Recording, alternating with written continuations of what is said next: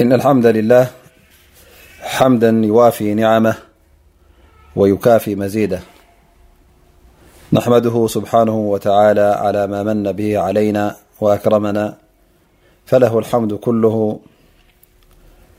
علانيته وسره لك الحمد يا ربنا حتى ترضى ولك الحمد إذا رضيت ولك الحمد بعد الرضا وأشهد أن لا إله إلا الله وحده لا شريك له وأشهد أن محمدا عبده ورسوله وصفيه من خلقه وخليله فصلاة ربي وتسليماته عليه وعلى آله وصحبه ومن استنى بسنته واقتفى أثره واتبع هداه إلى يوم الدين أما بعد خركم أحوا اسلام عليكم ورحمة الله وبركات إن اءالله عالى و شرح كتاب رياض الصالحين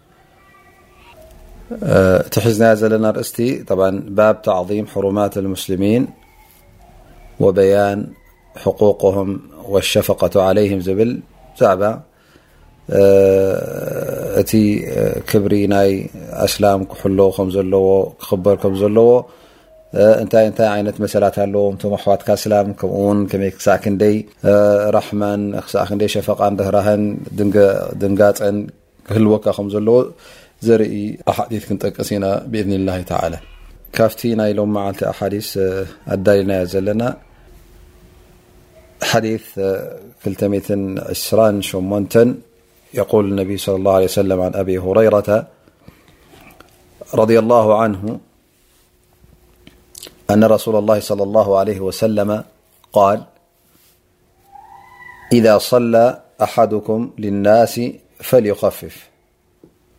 فإن فيهم الضعيف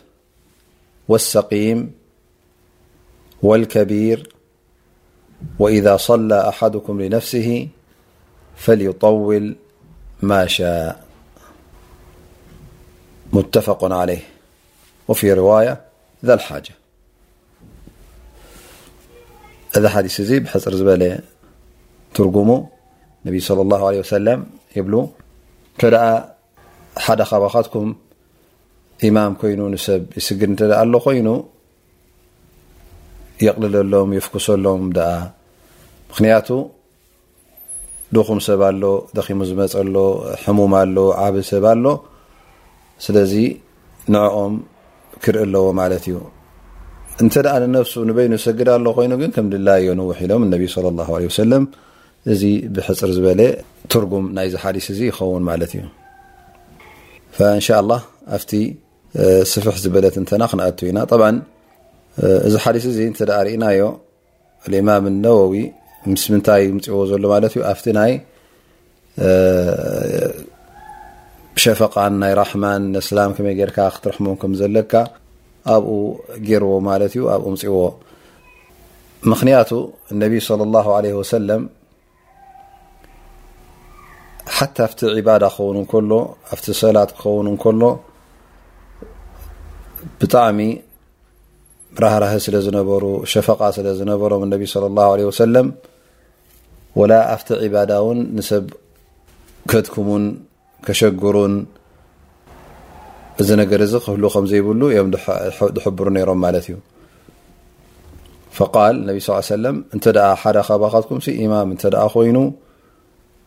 ይጠንቀቕ ሰላት ከንውሕ የብሉን ምክንያቱ እቶም ብድሕሪኡ ዘለዉ ብዙሓት ሰባት እዮም ዓብና ኣሎ ንእሽተይ ኣሎ ሕሙም ኣሎ ድኹም ኣሎ ስራሕ ዘለዎ ኣሎ ህውኽ ሰብ ኣሎ ብዙሕ ዓይነት እዩ ዘሎእቶም ድሕሪካ ዘለዉ ስለዚ ንኩሎም ክትግደሰሎም ኣለካ ማለት እዩ ጥራይ ነቶም ግዜ ዘለዎም ሓይሊ ዘለዎም ንዕኦም ክትርኢ የብልካ ብናልባሽ ገለ ካብኣቶም ሰላት ወላ ነዊሕ ግዜ እንተወሰደ ዘየሸግሮም ኣሎ ላኪን ንሶም ኣይኮኑ ዝረኣዩ እቲ ሰነፍን ትድኹምን ስለ ዘሎ ንዕኦም ክንክሎም ክትሪኦም ኣለካ ማለት እዩ ላኪን ክንርድኦ ዘለና ኣብዚ ነቢ ስ ሰለም ፈል ዩከፊፍ ክብሉና እንከለዉ እንታይ ማለት እዩ ተክፊፍ ነታ ሰላት ኣፍ ኩሳ ቢልካ ክሰግዳ ክበሃል እንከሎ ልክዕ ከምቲ ነቢ ለ ላ ሰለም ገሮም ዝሰግድዋ ዝነበሩ ጌርካ ትሰግዳ ማለት እዩ እምበረይ ሙፍካስ ማለት ናይቲ ሰብ ዊንታ ንዕኡ ክተማልእ ማለት ኣይኮነን ገለ ሰባት ክሰግዱ ከለዉ ሰግዱ ዘለዉ ኮይኖም ኣይስምዑኻን እዮም እንታይ እንታይ ይጎዩ ዘለዉ ኮይኖም ይስምዑኻ እቲ እጥሚእናን ንገዛእ ርእሱ እቲ ዝግታ ኣብ ሰላት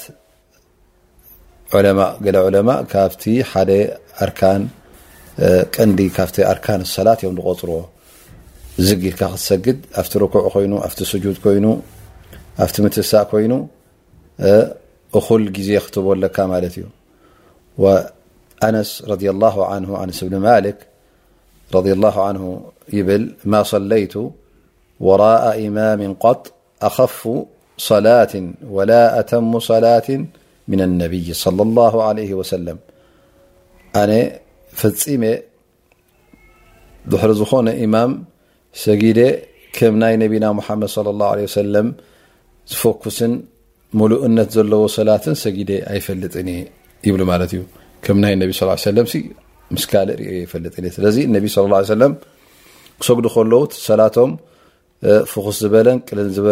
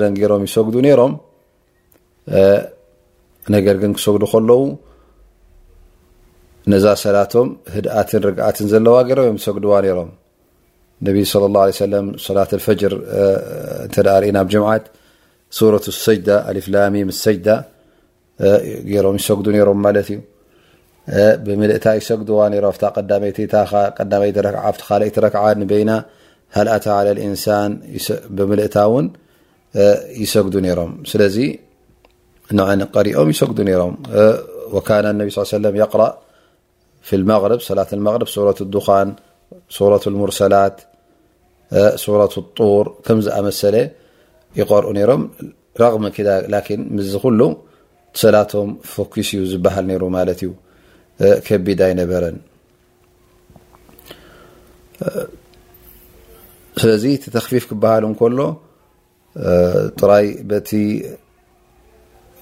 ፍርቂ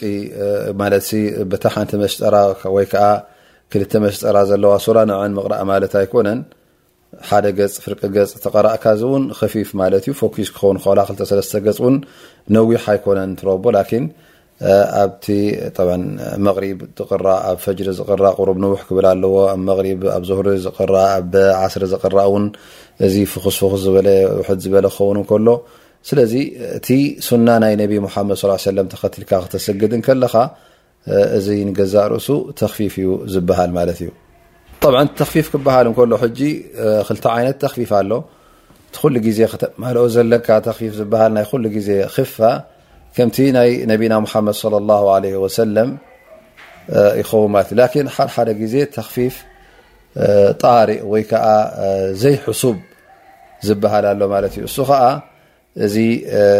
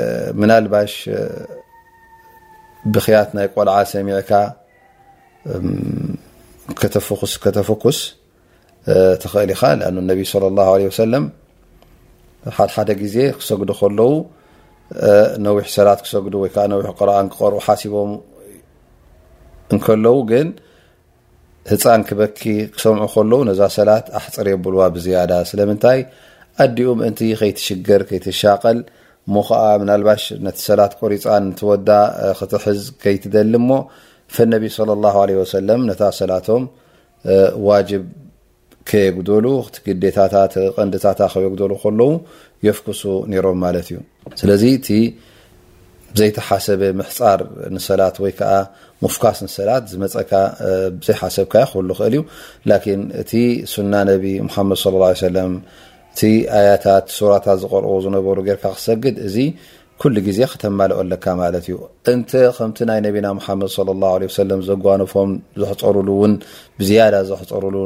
ህፃን ሰሚዖም ክበኪ እንተ ደኣ ኣፍኪስካ እውን እዚ ሱና ጌርካ ማለት እዩ ነታ ኣዲኡ ከይትሽግር እዚ ሓደ ናይቲ ርህራሀ ናይ ነቢና ሙሓመድ صለ ላه ለ ወሰለም ይርእካ ማለት እዩ ክሳዕ ክንደይ ነቢ ስ ሰለም ይርህርሁ ነይሮም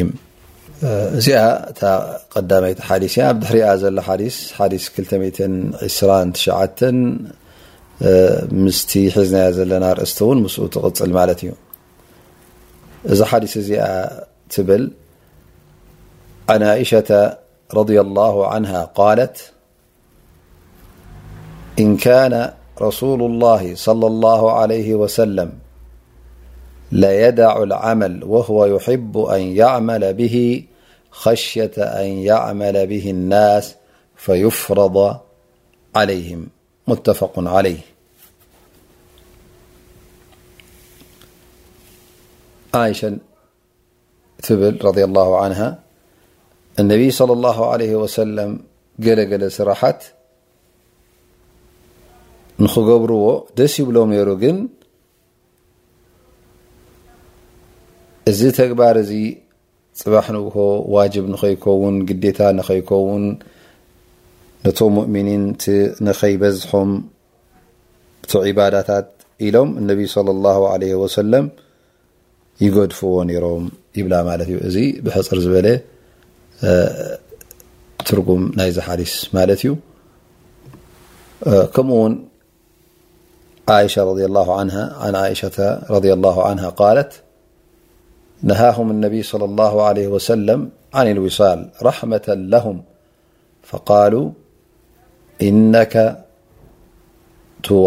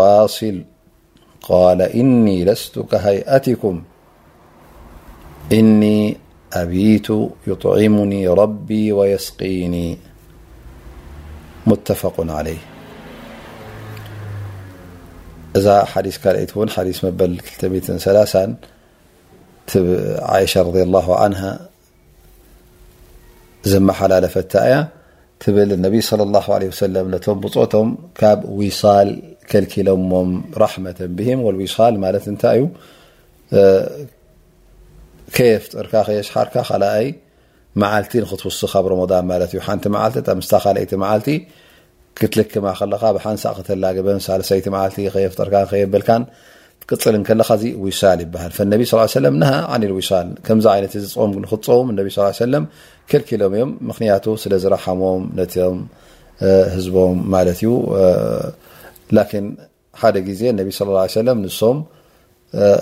ከምዚ ዝኣመሰለ ቀፃሊ ንክልተ መዓልቲ ንሰለስተ መዓልቲ ከየፍጠሩ ይቕፅልዎ ነይሮም ማለት እዩ ፈቶም ብፆቶም ብፆት ነቢና ሓመድ ስ ሰለም ቶም ሰሓባ ንነቢና ሓመድ ስ ሰለም ሪኦም ከምኦም ንክመስሉ ኢሎም ልክ ከምኡ ክፀሙ ጀሚሮም ማለት እዩ ፈነቢ ስ ሰለም ኣይትግበሩ እዚ ጌጋ እዩ ንዓይ እውን ኣይትርኣዩ ኣነ ከማኹም ኣይኮንኩም ደኣኑ እንታይ ኢሎሞም ያ ረሱላ ንስኻ ደኣ ስለምንታይ ከምኡ ጌርካ ትዋስል ኣለኻ ንሕና ንዓኻ ክንመስል ደሊና ከምቲ ንስኻ ትገብሮ ቃል ኣነ ለስቱ ከሀይኣቲኩም ኣነ ከማኹም መዓስ ኮይነ ኣነ ኣላህ ስብሓነ ወተዓላ ይምግበንን የስትየንን እዩ ኢሎም መሊሶምሎም ማለት እዩ እዚ ክልተ ሓዲስ እዚ كمت نري ዘلና الإمام النوو أت تحتير ي شفق ናي رحم بمسلم أبو يرዎ ت እዩفالنبي صلى الله عليه وسلم ك عئش ዝلت بዙح نرت ر ናይ ዒባዳ ተግባር ማለት እዩ ነቢ صለ ላه ለ ወሰለም ከዘውትርዎን ክገብርዎን ይፈትዉ ነይሮም ላኪን ነዚ ነገር እዚ ይቕፅልዎ ይነበሩን ወይ ይገድፍዎም መንጎ ወይ ከዓ ነቶም ብፆቶም ኣይርእዎምን ወይ ከዓ ይገብርዎምን ማለት እዩ ስለምንታይ እቲ ጉዳይ ፈርዲ ንከይከውን እቲ ሰብ እውን እቲ ሸራይዕ ናይ እስልምናን እቲ ትእዛዛት ናይ እስልምናን ገለ ሰባት ንኩሉ ንክስከሞ ስለ ዘይክእል ንኸይደኽሙ እቶም ሙእሚኒን እቶም ኣስላም ኢሎም ነቢ ለ ላ ለ ወሰለም ይፍፅምዎ ይነበሩን ማለት እዩ ሓደ ካብቲ ዝጥቀስ ኣብ ረመን ነቢ ለ ላ ለ ወሰለም ሓንቲ ለይቲ ተሲኦም ኣብ መስጊድ ሰጉዱ ነሮም ማለት እዩ ብለይቲ ሕጂ እቶም ብጾት ነቢና መሓመድ ስ ሰለም እቶም ኣስሓብ ነቢ ንነቢና መሓመድ ለ ላ ለ ወሰለም ክሰግዱ ምስ ረኣይዎም መፂኦም ብድሕሪኦም ሰጊዶም ማለት እዩ ኣብታ ካልይቲ መዓልቲ ድማ መፂኦም ነቢ ስ ሰለም ክሰግዱ ምስ ረኣይዎም ካብቶም ናይታ ቀዳማይቲ መዓልቲ ዝበዝሑ ሰጊዶም ማለት እዩ ሳልሰይቲ መዓልቲ ድማ እታ ሳልሰይቲ ለይቲ ሰብ እናበዝሐ ከይዱና መስጊድ ዳርጋ ተመሊኡ ማለት እዩ ፈነቢ ስ ሰለም ድሕሪኣ ፍተራበይቲ መዓልቲ ኣይመፁን ኩሉ ሰብ እናተፀበዮም ኣይመፁን ማለት እዩ ንፅባሒቱ መፅኦም እነቢ ስ ሰለም እንታይ ይብልዎም ኣነ እኮ ትማሊ ከም ዝመፅእኩም እፈልጥ ኣለኹ ሰብ ኩሉ ተኣኪቡ ፅበየኒ ከም ዝነበረ እፈልጥ ኣለኹ ላኪን ኣነ እዛ ሰላት እዚኣ ፅባሕ ንግሆ ፈርዲ ንኸይትኾነኩም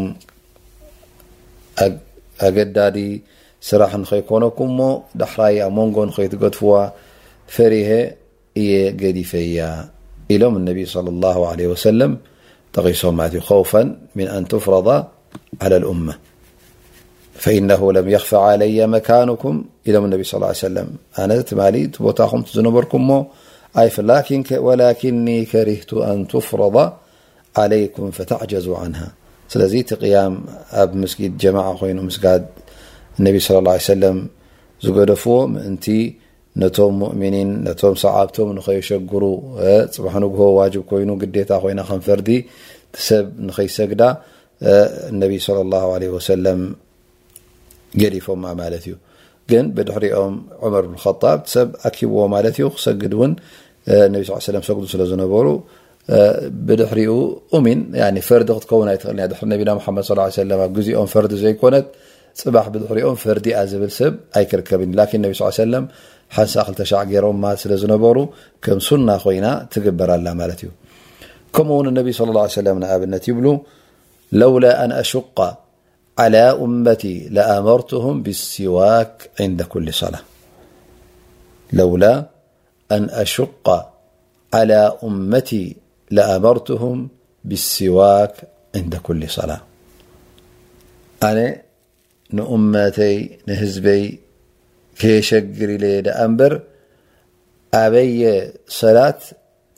መወፅ ንክምወፁ መኣዘዝክዎም ነረ ኢሎም ነቢ صለ ላه ለ ወሰለም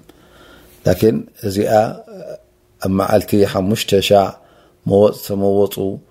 እንተዝብሉና ነቢ ስ ሰለም ምስ ተሸገረ ነሩ ትሰብ ማለት እዩ ዋጅብ ኮይና ኣገዳዲት ምኾነት ነራ ማለት እዩ ፈነቢ ስ ሰለም ከሸግሩናን ከፃውብልናን ኣይደለዩን ማለት እዩ ሓደ ግዜ እውን ነቢ ለ ላه ለ ሰለም ሰላት ልዒሻ ኢማም ስለ ዝኾኑ ሰብ ንዕኦም ይትፅበ ነይሩ ማለት እዩ ኣብ መስጊድ ሳዕ እሶም ዝመፁ እሶም ምስ መፁ ኢቃማ ግበር ይሰገድ ነይሩ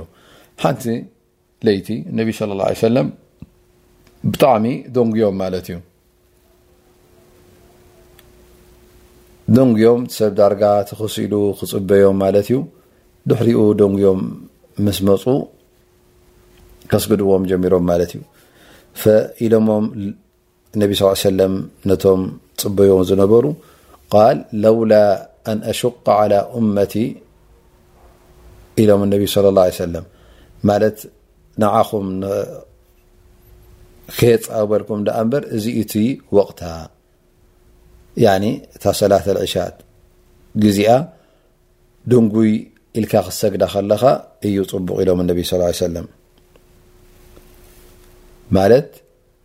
ሰላተል ዒሻ እቲ ዝበለፀ ጀማዓ ኮይንካ እንተ ጀማዓ ኣሎ ኮይኑ ኣብ ክንዲ ኣብቲ መጀመርያ ወቕታ ትሰግዳ ኣደንጒኻ ትሰገድካያ እሱ እዩ ዝበለፀ ግን ነቢ ስ ሰለም ፈልጡ ኣለዉ እቲ ሰብ ኩሉ ኣብ ስራሕ ውዒሉ ክርማሕማሕ ክብል ከርፋሕፋሕ ክብል ኣብ ዘራእቲ ኮይኑ ኣብ በረኻ ኮይኑ ኣብ ስርሑ ውዒሉ ክመፅእ እንከሎ እቲ ሰብ እታ ኣልዒሻ ንክፅበያ ኣሸጋሪት እያ ማለት እዩ እንተ ኣምሲኻ ክትሰገድ ኮይና ወይ ደቂሶም ካብ ድቃስ ክትስኡ ኣለዎም ወይ ከዓ ክትሓልፎም እያ ማለት እዩ እዚ ሕጂ ከሸግሮም እዩ ስለዚ ነቢ ለ ላ ለ ሰለም ኣብቲ መጀመርያ ወቕታ የስግድዎም ነይሮም ምእንቲ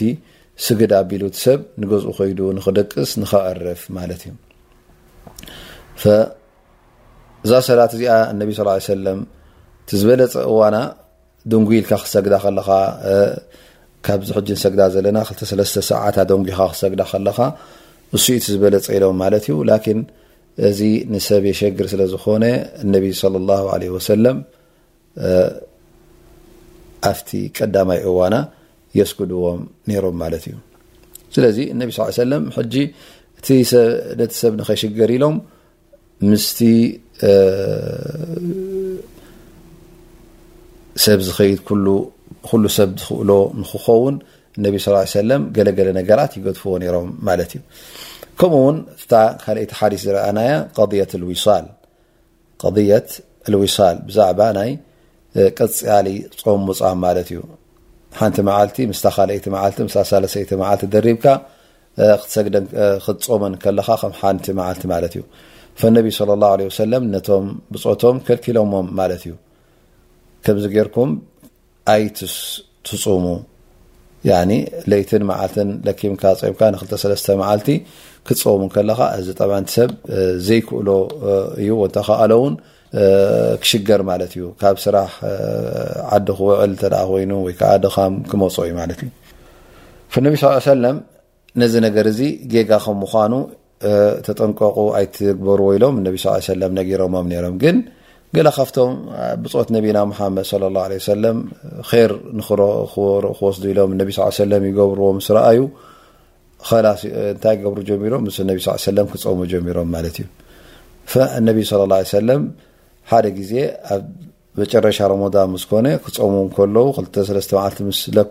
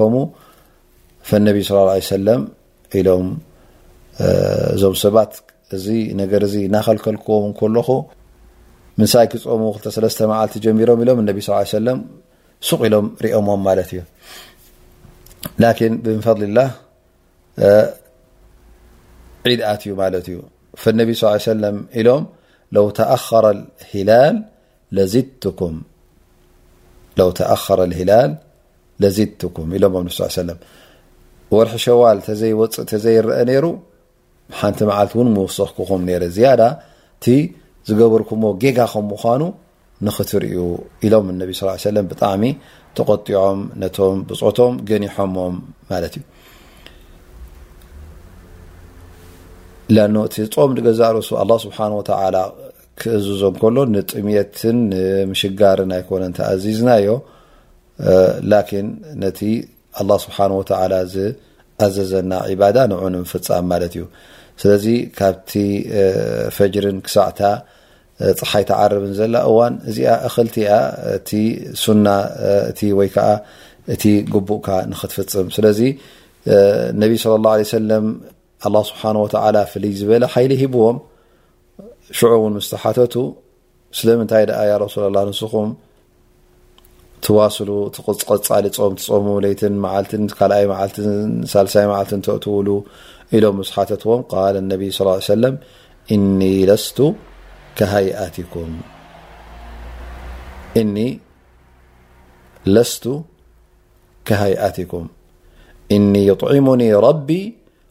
ወየስቂኒ ነቢ ስ ሰለም ኢሎም ኣነ ልከማኹም መዓስ ኮይነ ኣነ እኮ ጎይታይ የብልዓንን የዕንግለንን የስትየንን እዩ እዚ ማለቶም ከዓ ነቢ ስ ሰለም ምሉእ ለይቲ ክሰግዱን ተሃጁት ክገብሩን ዝክሪ ክገብሩን ክሓድሩ ከለዉ እቲ ዒባዳ ዝገብርዎ ዘለዉ ነቲ ናይ መግብን ናይ መስተን ጉዳያት ኩሉ የረስዖ ማለት እዩ ሓደ ሰብ እንተ ኣብ ዝፈትዎ ነገር ኣብ ደስ ዝብሎ ነገር ብኡ እንተ ኣንሸቂሉ ብኡ እተ ልቡ ኣድሂብሉ ንዕኡ ዝብላዕ ኣይዝክር ዝስተ ኣይዘክር ትፈትዎ ነገር እንተ ኮይኑ ማለት እዩ ስለዚ ነቢ ለ ላ ለ ሰለም ኮቱር መሓባ ናይ ጎይታ መሓባ ናይ ዝክርን ናይ ዕባዳን ስለ ዘለዎም ድዓ ክገብሩ ስለ ዝሓድሩ ኣላ ስብሓን ወተላ እቲ ብልዕን መስተን የረስዖም ማለት እዩ ክብፅጋብ ከም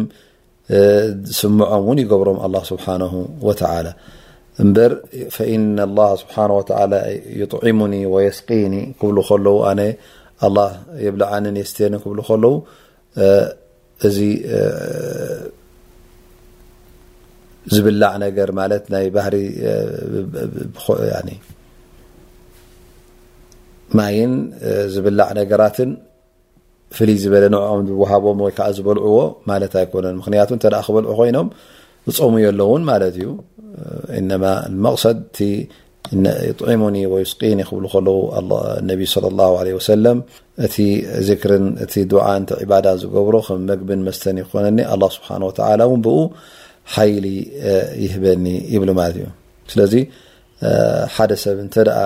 ገለ ዝሻቅሎ ነገር ኣሎ ኮይኑ ወይ ከዓ ግዜኡ ዝወስደሉ ልቡን ስምዒቱን ዝወስደሉ ነገር እተ ኣሎ ኮይኑ ኩሉ ይርስዕ ማለት እዩ ዝበልዖን ዝሰትዮን እውን ይርስዕ ማለት እዩ ስለዚ እተ ሰባት ርኢኻዮም ኩሉ ግዜ ሓደ ግዜ እንተ ተመራዞም ዝመራመሩ እንተ ርእኻዮም ከይተፈለጦም ሙሉእ መዓልቲ ከይበልዑ ከይሰትዩ ነታ ዝገብርዋ ዘለዉ ምርምራ ነታ ዝገብርዋ ዘለዉ ስራሕ ከይጭረሱ ኣይወፁን ማለት እዩ ወላ ምግብን ወላ መስተን ኩሉ ይርስዕዎ እዚ ርኡይ ነገር እዩ ፍቱን ነገር እዩውን በል ካብቲ ዝጠቕስዎ ወይ ከዓ ዝዛረብዎ ይብሉ ሓደ ግዜ ሓደ ሃፍታም ሰብኣይ ነይሩ ማለት እዩ ጠብዓ ሃፍታም ስለዝኾነ ብዙሕ ገንዘቡ ኩሉ ግዜ ስራሕ ኣብኡ የጥፍኦ ማለት እዩ ንሰበይቱ ይኹን ንደቁ ይኹን እኹል ግዜ ኣይህቦምን ነይሩ ማለት እዩ ምክንያቱ ብዙሕ ስራሕ ስለ ዘለዎ ገንዘቡ ብየማን ብፀጋም ስለ ዘዋፈሮ ኣፍትን ኣፍትን ሕጂ ኩሉ ግዜ ሒሳባት ናቱ ሒሳብ ክገብር ነቲ እንታይ ሂበዮ እንታይ ወሲደሉ ንክብል ኣብኡ መብዝሕቱ ግዜኡ ጠፊኡ ማለት እዩ ሕጂ ሓደ ግዜ ጠብ ሰበይቱ ትዒባ ማለት እዩ ኩሉ ግዜ ስራሕ ስራሕ ስራሕ ክብላ ከምዝኮይኑ ዝኮይኑ ክብላ ምስኣ ኮፍ ኣይብል ምስ ደቁ ኮፍ ኢሉ ኣየዕልል ገለ መለታት ኣብ መጨረሻ መቸም እዛ ሰብ እዚኣ ኣንታ እስኻ ዝኩሉ ረቢ ርዝቂ ሂቡካ ዝኩሉ ሽሻይ ሂቡካ ቁሩብ ንዓና ግዜ ንደቅኻ ኣይትርእን ንህልካ እዚ ጎረቤትና እከለ ከመይ ይነብር ኣሎ ምስ ሰበይቱ ኩሉ ግዜ ስሕቁ ብሓንሳ ይዕልሉ ብሓንሳ ይበልዑ ብሓንሳ ኢላ መቸም እዛ ሰበይቲ እዚኣ እቲ ኣብቲ ጎረቤታ ዘሎ እታ ድኻ እንታይ ከም ትገብር እቶም እንዳ ድኻ እንታይ ከም ዝገብሩ ጠቒሳህሉ ማለት እዩ ጠባን እዚ ሰብኣይ እዚ ሕጂ እንታይ ገይሩ ማለት እዩ ከይዱ ምስቲ ድኻ ተራኺቡ ማለት እዩ ጠባን ሕጂ እቲ ሽግር ኣምፅሉ ዘሎ እንታይ እዩ እዚ እከለ እዚ ጎረቤትና ትሪኦ እንደ ኣለኻ እዚ ከምዚ እናበለ ከላስ ኣፅምም ኣቢላቶ መቸም ከላስ ኢሉ ኣምጽእ ኣቢሉ ነዚ ድኻ ንዓ ኢልዎ፣ ከመለኻ ጽቡቕ ንስኻ ጎረቤተይ ኢኻ እሞኒ ኣነ ድማ ንኼር ናህካ ስለ ዝፈቱ ርእየካ ኣለኹ ሽግር ኣለካ ያኒ ናይ ገንዘብ ውሕደት ኣለካ ኣነ ቁሩብ ገንዘብ ክበከያ ከሽቅጠለን ክትሰርሓለን ኢሉ ይህቦ ማለት እዩ እዚ ድኻ ዝነበረ ሰብኣይ ጠብዓን እዘን ቁሩብ ገንዘብ ምስ ረኸበ ሕጂ ኣብ ዕዳጋ ኣእትወን ማለት እዩ ክሽቅጥ ክልውጥ ክወስድ ከብል ኸላስ እሱ ድማ ገንዘብ ስለ ዝረኸበ ሕጂ ነታ ሰበይቱ ውን ረሲዕዋ ማለት እዩ ክልቲኦም ሕጂ ሓደ ኮይኖም ይበሃል ስለዚ ታይ ማለት እየ እቲ ሰብ እንተ ገለ ነገር ዝሻቅሎ ኣሎ ኮይኑ ብዙሕ ነገራት ይርስዕ ናብርኡ ይርስዕ ዝበልዖን ዝሰትዮን እውን